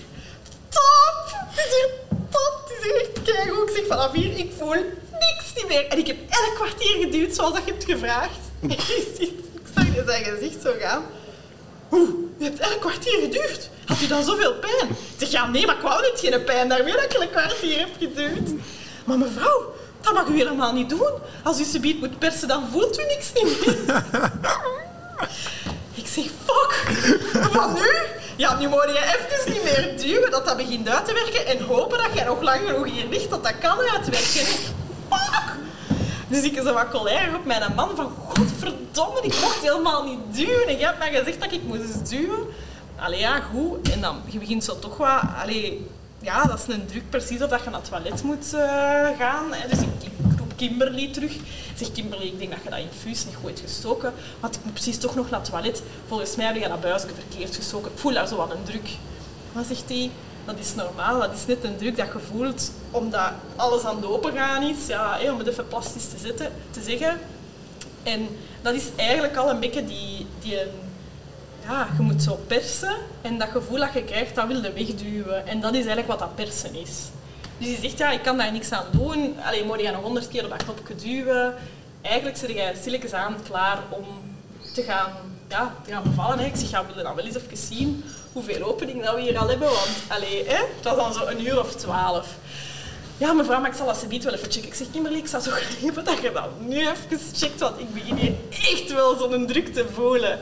Allee, ja, ja, het is goed. Ik had ondertussen ook al even niet meer geduwd, dus die pijn... Ja, ik zat ondertussen al op vrij zware weeën en uw lichaam bouwt normaal stoffen op om dat te kunnen tegengaan. Maar natuurlijk, mijn lichaam heeft nooit die signalen gekregen om die stoffen op te Ja, dat is bouwen. helemaal verdoofd. Ja, voilà. Dus ik begon weer te voelen van categorie duizend. Ja, dat begon echt zeer te doen. Dus ik heb een uur echt die spaken van dat bed vastge... Allee, ja, dat bed is heel stevig gebouwd. Dat kan ik u wel bevestigen, echt waar. Dus die Kimberly die voelt zo. En ehm, ja, zegt hij, oeh, oeh mevrouw, oh, we zitten al op 10 centimeter. 10 centimeter is ready Klaar to go. gaan, ja. Ga met die banaan. Eh, ik zeg, ja, oké, ja, van nu. Hè, ja, ik kon ondertussen al vol een bak aan het duwen op dat knopje dat hij zeer terug wegging. Want, allee, hè. Ja, zegt ze, eh, ik ga de gynaecoloog bellen. U bent, eh, ja, u bent eigenlijk ja, zo goed als klaar. En je moet dan zo 10 centimeter moet nog een uur wachten voordat je begint te persen voor de een of andere reden. I don't know what. Dus die begint zo met haar telefoon zo de, de gynaecoloog te bellen. En dat is heel duidelijk, die krijgt hij niet te pakken. En die begint zo wat rood te zien en zo wat plekken in haar nek te krijgen. Een van die drie anderen is ook aan het ja, inderdaad. Ja, zegt hij, ik kan de gynaecoloog nu even niet bereiken. Mijn man, die weer zo kei nerveus. Bel dan opnieuw, hè. ja, ja, ja, ik zal, ik zal het dan nog eens doen. Allee, dat kind naar de gang, want die dacht al, ik moet hier die kamer uit. Dus die komt terug binnen. Ja, ja, het spijt me, maar ik kan de gynaecoloog niet bereiken. Maar ik zal uw bed alvast klaarmaken om te beginnen persen. Dus je begint daar zo iets uit te klappen waar je dan zo je benen in kunt zetten. Zo, dat bed is zo'n transformer, dat zo helemaal wordt omgebouwd. En ik zag dat dat kind echt... Ja, die plekken, dat werd er niet beter op. Die begon echt zo wat te panikeren. Dus ik zo... Kimberly, ik ben ervan overtuigd dat wij met twee, wij gaan dat kunnen. Ik denk echt, kom aan, zo moeilijk kan dat niet zijn. Jij weet ongetwijfeld hoe dat, dat moet. Jij gaat mij dat kunnen uitleggen. En mijn man zo, ja, want laat ons eerlijk zijn. Die gynaecologen, die komen ook maar gewoon binnen voor het factuur te schrijven. Hè. En dat meisje zo, ja, ja, dat is wel waar, ja. Dus die zit daar zo voor mij. En die doet dus een uitleg van wat dat je moet doen. En ja, mocht ik al beginnen persen. En ik was echt al vrij ver en die zei zo ja, ja, we zien het hoofdje al, we zien het hoofdje al. Als die gynaecoloog daar zo komt binnengewalst met zo twee assistenten, die pakt zo haar stoel, die zit daar zo letterlijk voor u. Ha, hallo, ja, zit er klaar voor? Oké, 1, 2, 3, gaan. En je duwt dat, je duwt echt de ziel uit je lijf. En hoppakee, en die kleine was er, dus die is daar een minuut voor die bevalling, is hij daar in die kamer binnengewalst. En voilà, ik had hem vast. En ik dacht ook echt oprecht, die zei, ja, we zijn er bijna met het hoofdje. Het hoofdje is er bijna door. En ik dacht, ah ja, hoofd, schouders en de rest. Nee, nee, die kop vloept daaruit. En de rest schiet daar mee uit. Dus op een gegeven moment, kijk ik dat kind, ze smijten dat echt zo naar u. Hè. Ze smijten dat zo op uw lichaam. Maar ik was daar echt nog niet klaar voor. Dus ineens had ik zo dat kind vast. En dat was echt zo... Dat is de meest onwezenlijke moment in je leven. Dat is keizot. Je hebt ineens een kind vast dat negen maanden lang in je buik heeft gezeten. En dat is echt... Ja... Ik kan dat niet omschrijven. Dat is ongelooflijk. Echt ongelooflijk. Dat, dat moet je echt meegemaakt hebben. Dat is een van de schoonste momenten. Ik denk oprecht, als ik morgen zo een auto-ongeluk doe en ik sterf, dat dat het laatste beeld is dat ik ga zien voordat ik sterf. Zo, weet je, de schoonste herinnering uit je leven, dat is dat. Ehm, dus ja, dat was echt zot. Maar dan is zo wel vrij snel de donderwolk bij ons gekomen. Omdat dus bleek dat... En dat was net de kant dat, dat mijn zoon dus op mijn arm lag met zijn gezicht. Hij had dus een soort van bolken op zijn kaak. Eh, ik had dat niet gezien, maar mijn man wel. En ik vond ook dat hij redelijk gestresseerd in zijn gezicht was. Maar ik dacht, ja, oké, dat is wel heftig. Eh, je ziet dat allemaal gebeuren. Ik had echt dat uur voor die, voor die finale dingen had ik echt ook wel zeer gehad. En ik, allee, ik heb niet geroepen, ik heb dat heel hard in mezelf gehouden, maar die heeft wel echt gezien dat ik zeer had. En dat is ook wel niet tof om te zien dat je vrouw zoveel zeer... Allee, ik kan me voorstellen dat dat wel, dat dat wel even pakkend is. Hè. En ik zeg zo, maar lees schat, wat is er nu? Is zo... Je is zo ja, ja, ja, Rafael heeft iets op zijn gezicht. Ik zeg, ja, dat is gewoon bloed van in de baarmoeder. Hè. Allee, dat, dat kind hangt zo vol met zo allerhande Ja. vettige dingen. Nee, nee, nee, die heeft echt een bolletje op zijn kaak. Dus ik heb dat kind al zo gedraaid. En inderdaad, dan zagen wij dus dat dat bolletje daar was. En ondertussen ja, heb dan even de gynaecoloog erbij geroepen van ja, wat is dat? En zij zo, ah, ja, oh, ja, goh, ja, dat weet ik niet goed, ja, goh, dat gaan we een keer door de pediater moeten laten bekijken. Maar ja, allee, dat is zo wel even chockerend, want dat kind, allee, daar is iets, hè. Je voelt dat ook direct aan als moeder. Je ziet dat kind en je denkt, hmm, dat is raar. En dan zagen wij ook dat dus dat oortje aan die kant, dat dat kleiner was dan de andere kant. En ehm, die konden daar zo geen direct antwoord op geven. En je gaat dan naar de kamer en dat is allemaal zo... Je bent kei blij, maar je bent ineens ook kei bang. Want je hebt echt geen idee wat, dat je, wat dat je in je handen hebt. Hoeveel miserie dat je potentieel vast kunt hebben. Hè. En dan is dat echt... Je zit dan zo drie dagen in dat, in dat ziekenhuis amper antwoorden gekregen. We hebben verschillende pediaters gezien. Die komen dan zo, elke dag komt er een pediater langs om zo wat basic dingen te checken. Maar die gaven allemaal een andere uitleg. Als wij vroegen van ja, kan dat bolletje weggedaan worden, nu al, kan dat afgebonden worden, dat dat eraf valt of zo, dat we dan ja, nee, want daarvoor is dat te groot. En dan vroegen wij van ja, wat, wat is dat? Is dat een kanker? Allee, what the fuck? Ja, dat weten we eigenlijk niet. Daarvoor moeten we een, een, chirurg laten komen. Vond dat kei raar. Dus op een gegeven moment, de tweede dag, komt er zo een chirurge, een vrouw binnen.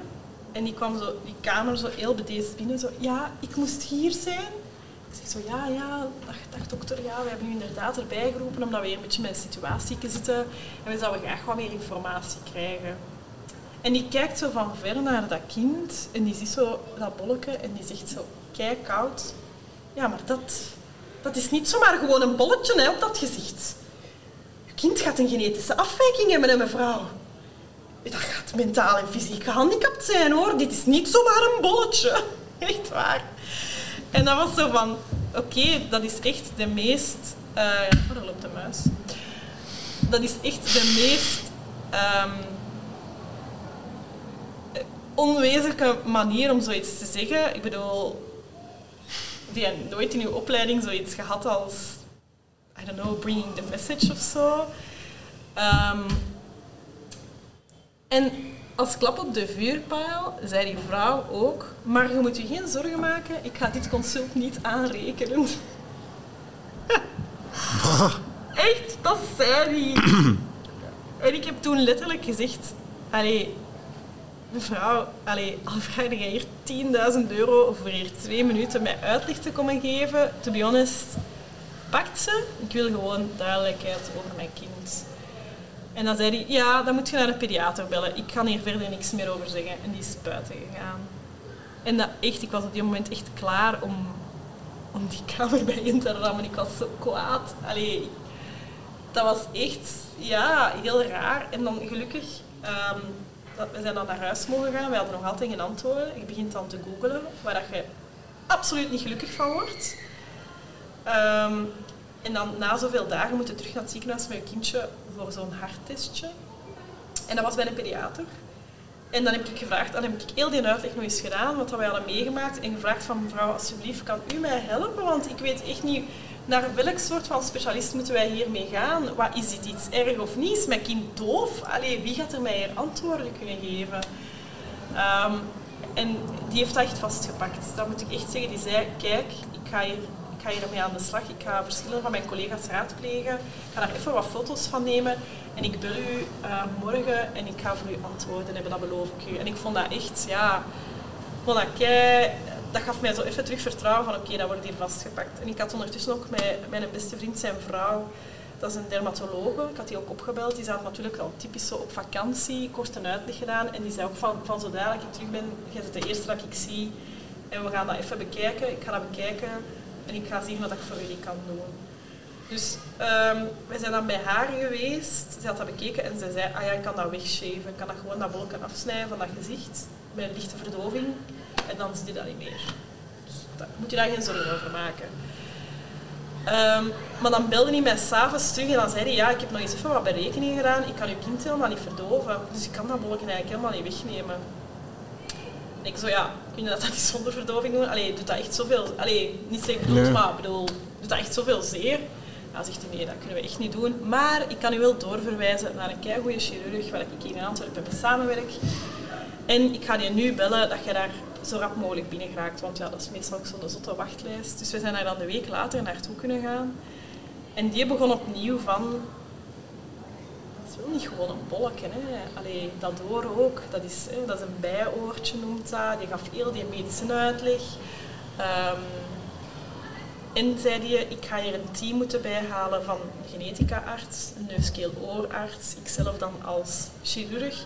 Wij gaan dat moeten bespreken, wij gaan testen moeten doen. Want typisch bij zo'n bijoortje in het verleden is gebleken dat die kinderen vaak inderdaad doof zijn. Want dat oor is... Dus dat, wat er eigenlijk was gebeurd is, in de twaalfde week ontwikkelt uw kind zijn, zijn oor en zijn... Ik geloof dat... Ja, slag me dood, ik denk dat het nieren was. Mhm. En in die twaalfde week moet er iets gebeurd zijn waardoor dat er dus een stukje van het kraakbeen van dat oor gemigreerd is naar die kaak, waardoor dat, dat oor kleiner is. En doordat er daar al iets is misgegaan, is de kans groot dat er ook iets mis is met die nieren. En als de gehoorgang op dit moment ook niet goed ontwikkeld is, gaat uw kind doof zijn. Vandaar dat we dus allerhande testen moeten doen. En daarnaast is ook bewezen dat bij dus zo'n bijoortje vaak genetische afwijkingen voorkomen. Dat dat hand in hand gaan. Mm Een ongeluk komt nooit alleen. Um, dus ja, wij zijn naar buiten gekomen. Ja, Met nog meer vraagtekens. Ja, die heeft dat wel heel goed gebracht. Ik moet echt zeggen, allee, die mens ben je tot op vandaag ongelooflijk dankbaar. Die bracht dat heel menselijk. Maar je zit gewoon keihard in paniek, want je weet niet waar, hoe, wanneer gaan we dat weten, hoe zwaar gaat dat, gehandicapt, hoe zwaar is dat gehandicapt, allee, wat wil dat zeggen? doof, hoe, hoe erg is dat doof? Allee, um, ondertussen was ik een maand en een half bevallen. De 30 kilo dat ik bij was, waren er ook af. Ik oh, wow. gewoon niet meer gegeten van de stress. Uh, dus ja, ik snap wel waarom dat ik 30 kilo bij was. Dat was mijn lichaam dat mij had voorbereid op uh, de maanden die gingen komen. Um, en we zijn dan de week erna is, is Rafael geopereerd aan, hebben ze dat bolken eigenlijk weggenomen. Um, en dan hebben ze ook ontdekt dat um, nog iets anders dat dat totaal niet gerelateerd was daaraan. Dat noemt laryngomalacie, dat is een larynx dat niet goed werkt, dat is wat. Dus dan is hij de week daarna nog eens moeten geopereerd worden om te checken hoe erg dat, dat probleem dan weer was. Allee, en eh, ze hebben dan ook bloed genomen voor dat genetica-onderzoek. Daar moeten dan twee maanden op wachten om te weten of dat je kind gehandicapt is of niet. En om te weten of dat er een afwijking is, een genetica-afwijking, ja dan nee. Maar die dame wist wel direct te zeggen, die heeft dan mijn kind uiterlijk bekeken. En die zei van, kijk, bij genetische afwijkingen zien we vaak, we kunnen dat zien in bloed of weet ik veel wat, DNA, I don't know wat die checken, ik ben ook helemaal niet zo medisch aangelegd. Maar je ziet dat vaak ook aan de stand van de handen of de oren of de ogen ten opzichte van het gezicht. Je ziet er dat er iets, cru gezegd, uit de haak is. En ze zegt eerlijk bij uw kind, ik zie het niet. Zie het niet. Dus ik maak mij weinig zorgen, zegt hij. Ik ga, ik ga, het hier niet volledig van de tafel vegen, maar ik denk niet dat er uit die genetica-test niets gaat komen. Dus dat was voor ons al zo oké. En dan uh, hadden wij ook zo'n gehoortest laten doen bij kind en gezin. Die was ook oké, dus dat was ook al wel van oké, check, check. Uh, die laryngomalacie dat hem dan ook nog eens bijkomend bleek te hebben, bleek dan helemaal niet zo erg te zijn. In de ergste vorm moet dat geopereerd worden dat is eigenlijk een vrij kleine ingreep. Ze moeten daar wel even op intensive care liggen, omdat dat in deze regio is. Maar hij bleek dat dan ook niet te hebben. Dus dat was allemaal zo... Ah, stilletjes aan begon die stress wel weg te hebben. Maar dat heeft een enorme impact gehad op ons. Dat was een heel zware periode. Je gaat daar ook als koppel totaal anders mee om, omwille van het karakter dat wij hebben. Um, ik dacht dat ik... Um, ik belde bijvoorbeeld bel nog altijd elke dag met mijn beste vriendin. En in die periode, ik wou niemand niet spreken, ik wou daar met niemand niet over spreken. Ik wou met rust gelaten worden. Ik was zo op mezelf, omdat ik zo teleurgesteld was, ook op, in mijn eigen. Omdat ik blijkbaar, zelfs in het begin van mijn moederschap, bij het maken van mijn kind, iets verkeerd heb gedaan. Waardoor dat mijn kind niet compleet Ja. was. Snapte? Je begint daar zo op. Wat, heb, wat de fuck heb ik in... En ik heb letterlijk in mijn agenda zitten kijken. Die twaalfde week dat ik zwanger was, wat heb ik gedaan dat dat is misgegaan? Maar zo werkt dat niet, hè. Dat is Maar is het gewoon- wel goed om die mindset te hebben. Om zo, want dan kan je het niet op iets anders steken. Kan je dan niet over Nee, maar ik vond het ook volledig mijn schuld. Maar dat is dan weer... Dat is super verkeerd, een totaal verkeerde manier om daarmee om te gaan. Dus vandaar dat ik ook heel erg in mezelf ben beginnen trekken. En, en ehm, dat heeft ook heel lang geduurd. En dat is nu nog altijd, hè, als er zoiets met Rafael is. Nu begint dat te beteren, maar ik had direct zotte stress. Maar nu is die gezond. Ja, dus uiteindelijk, even voor alle duidelijkheid, uiteindelijk dat bolletje is weggehaald als een klein littekentje. Je ziet dat amper, is kei cool, want dat is een jongen. Ça va, hè. dat is ook op een plaats dat je amper ziet. Dat oortje is nog altijd wel iets kleiner ten opzichte van dat andere, maar ook dat valt eigenlijk niemand niet op. Dat kind gaat daar ook nooit geen last van hebben, die hoort ook perfect. Luisteren is iets anders. Horen is oké. Ehm, die laryngomalacie, daar is hij eigenlijk zo goed als uitgegroeid. Dat hadden ze ons ook gezegd, rond de leeftijd van twee gaan we daar eigenlijk niks meer van merken. Dat is ook zo, dat is een gezond kind. Je speelt, je eet alles wat je wilt. Maar die drie maanden dat je zo even ehm, in die onzekerheid hebt geleefd van de kans van... Allee, ja, en, en tot dan kun je ook absoluut niet begrijpen hoe dat, dat moet zijn voor mensen met echt een gehandicapt kind, hoe zwaar dat, dat is. Ja, ja. Dat begrijp ik nu veel beter. Eh, ja, dat was echt... Stel dat je het op voorhand wist dat, dat je handicapt kind zou hebben. Nee, ik zou het sowieso niet doen. Nee? Allee, dat is Nee. kei cru om te zeggen, maar dat is ook de reden dat wij geen tweede niet meer willen. Heb je bang bent van, daarvoor, Ik ben ongelooflijk bang. En als ik zie mensen dat zwanger zijn, dan denk ik, oh god, oh god, er kan zoveel misgaan. En nog altijd kan er keihard misgaan. Nog altijd kan die niet van een tafel vallen en iets voor hebben en gehandicapt zijn. Of, of, oh, dat is echt, en dat is iets dat je pas beseft als je ouder wordt. Als je moeder of, vader of whatever wordt.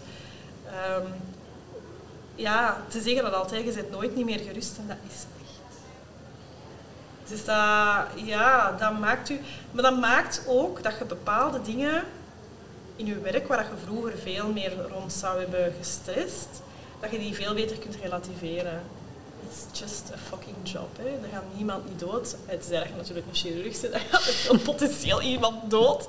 Maar eh, ja, ehm, ja. Maar ik probeer het positief te bekijken. Ik heb iets geleerd over mezelf.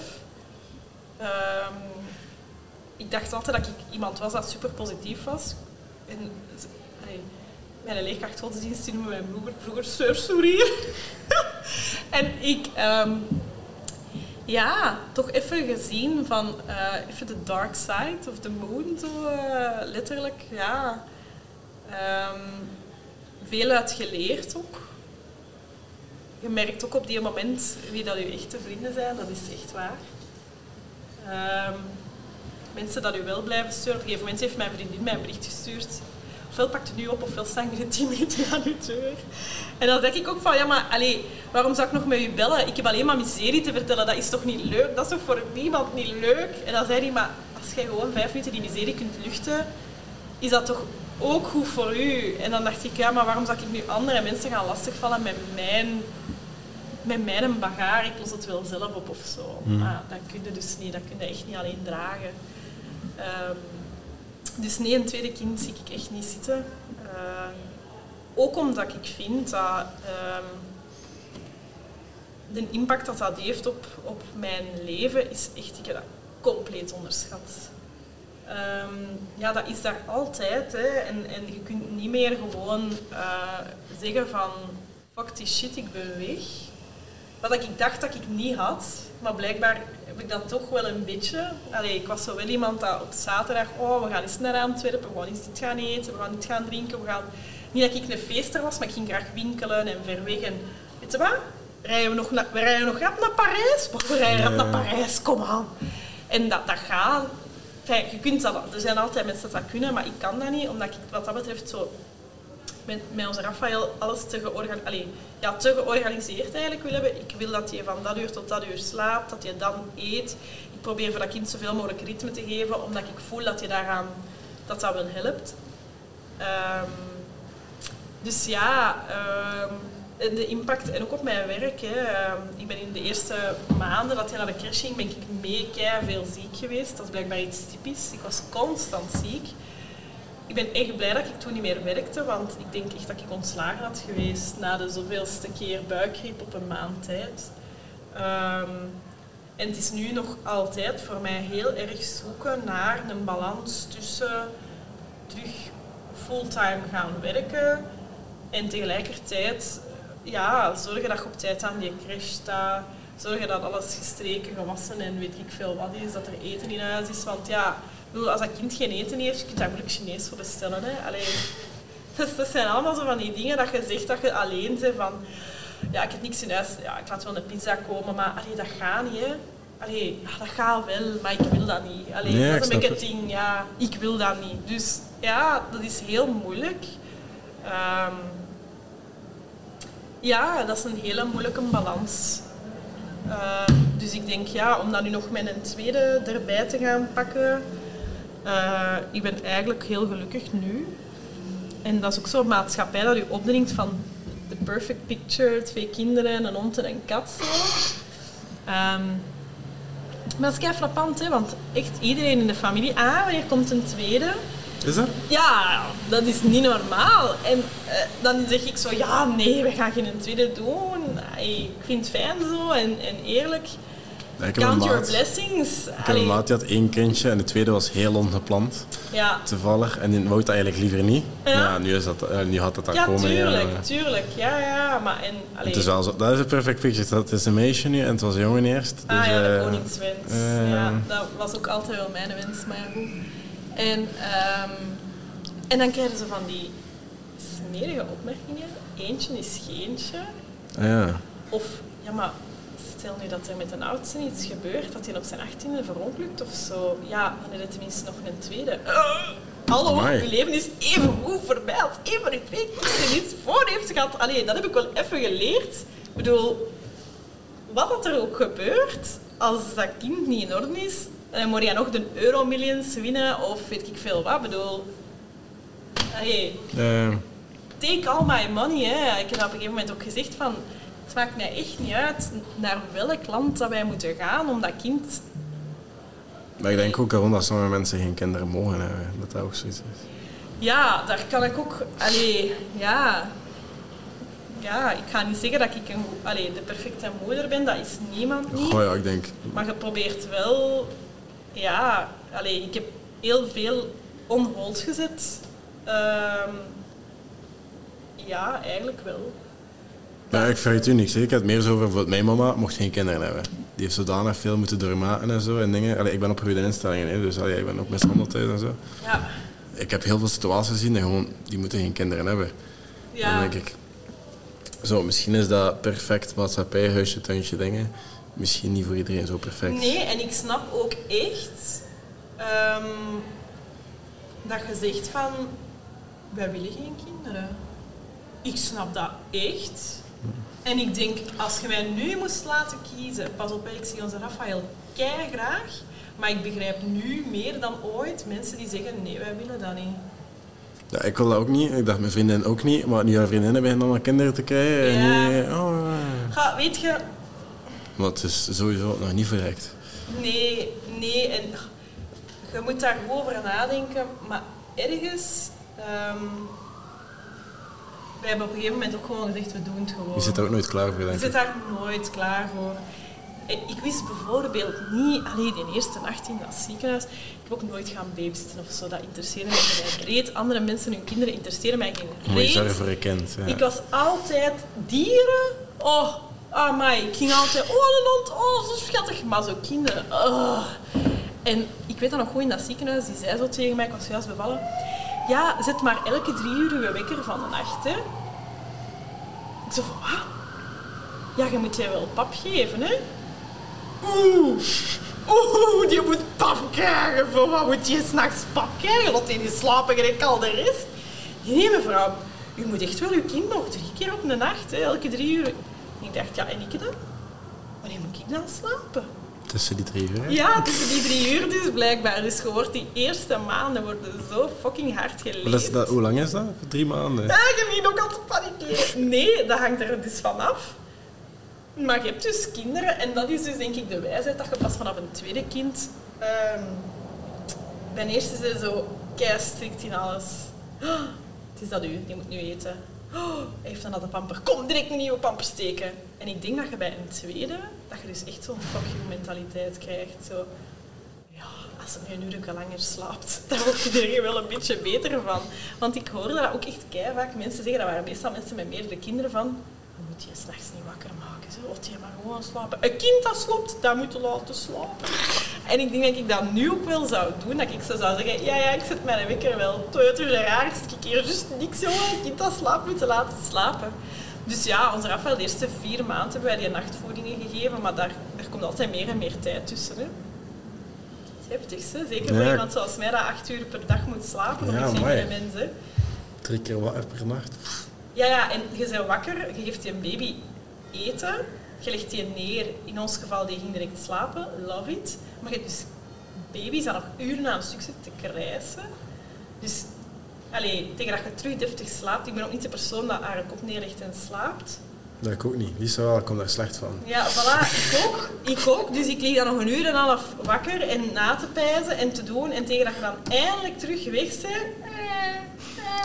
Oh, Zo, die mensen die zo midden gesprek zo nog... Allee, Ja, ik, allee, en, ja, tien seconden. Hè. ik ben toen ook ehm, gestopt met alcohol drinken. Ik heb dat toen beslist, maar ondertussen al anderhalf jaar geen alcohol meer Oh, wow. drinken. Ja. Eh, niet dat ik een zonte alcoholdrinker was of zo, maar ehm, omdat ik had zoiets wat cava gedronken. Ehm, en ik moest er s'nachts uit en ik dacht echt, fuck die kleine. ik wil blijven liggen. En dacht ik, oh, dit is echt zo'n compleet verkeerde reflex. Toen ben ik gestopt. Dan kon ik er veel beter tegen. Ah, dus je drinkt nu een half, eh, anderhalf jaar geen alcohol meer. Ja, Ah, Oké. Vind je dat Ja. moeilijk? Ik vind die muis, ik zie dat heel tijd lopen. Hè. ja zot en maat. Er zijn er twee of drie, hè. Amai. Maar Antwerpen zit wel blijkbaar vol met muizen. Ja, je kunt dat niet voorkomen, hè. Ja, zo hier Zaagskoek, de winkels, die, die, die, die, van die dienst, allee, hoe noemt dat? De gezondheidsdienst, die kwam, ja, we gaan afronden. Ja. Die kwam en die zei, ja, wij kunnen dat niet afkeuren, want iedere winkel in Antwerpen heeft muizen. Dat is, allee. Maar eh, ik sluit altijd af Ja, met dezelfde twee vragen. En dat is zo, eh, als je jezelf advies mocht geven, tien jaar geleden, wat zou dat dan zijn? Het niet aan kinderen? Ja. Ehm kalm. Kalm. Even kalm. Dat Vooral dat. En daarom dat ik en de Nicky zo goed klikken, denk ik, omdat hij dat vaak tegen mij zegt. Ja, Nou, Nicky ook wel kalm is. Als Nicky begint te panikeren, moet echt weer een boel pakken en vertrekken. Ja? Ja. ja, dat, dat kan ik me niet voorstellen. Ik heb die nog dat nooit zien panikeren. is. Oké. Eh, ja, dat. Ze even kalm. En... ehm ah ja, ik mag maar één advies, ja. En dat je advies zou mogen geven aan de jongeren die binnen bij Studio Digitaal, allee, die bij Digitaal binnenkomen, wat zou je daaraan geven?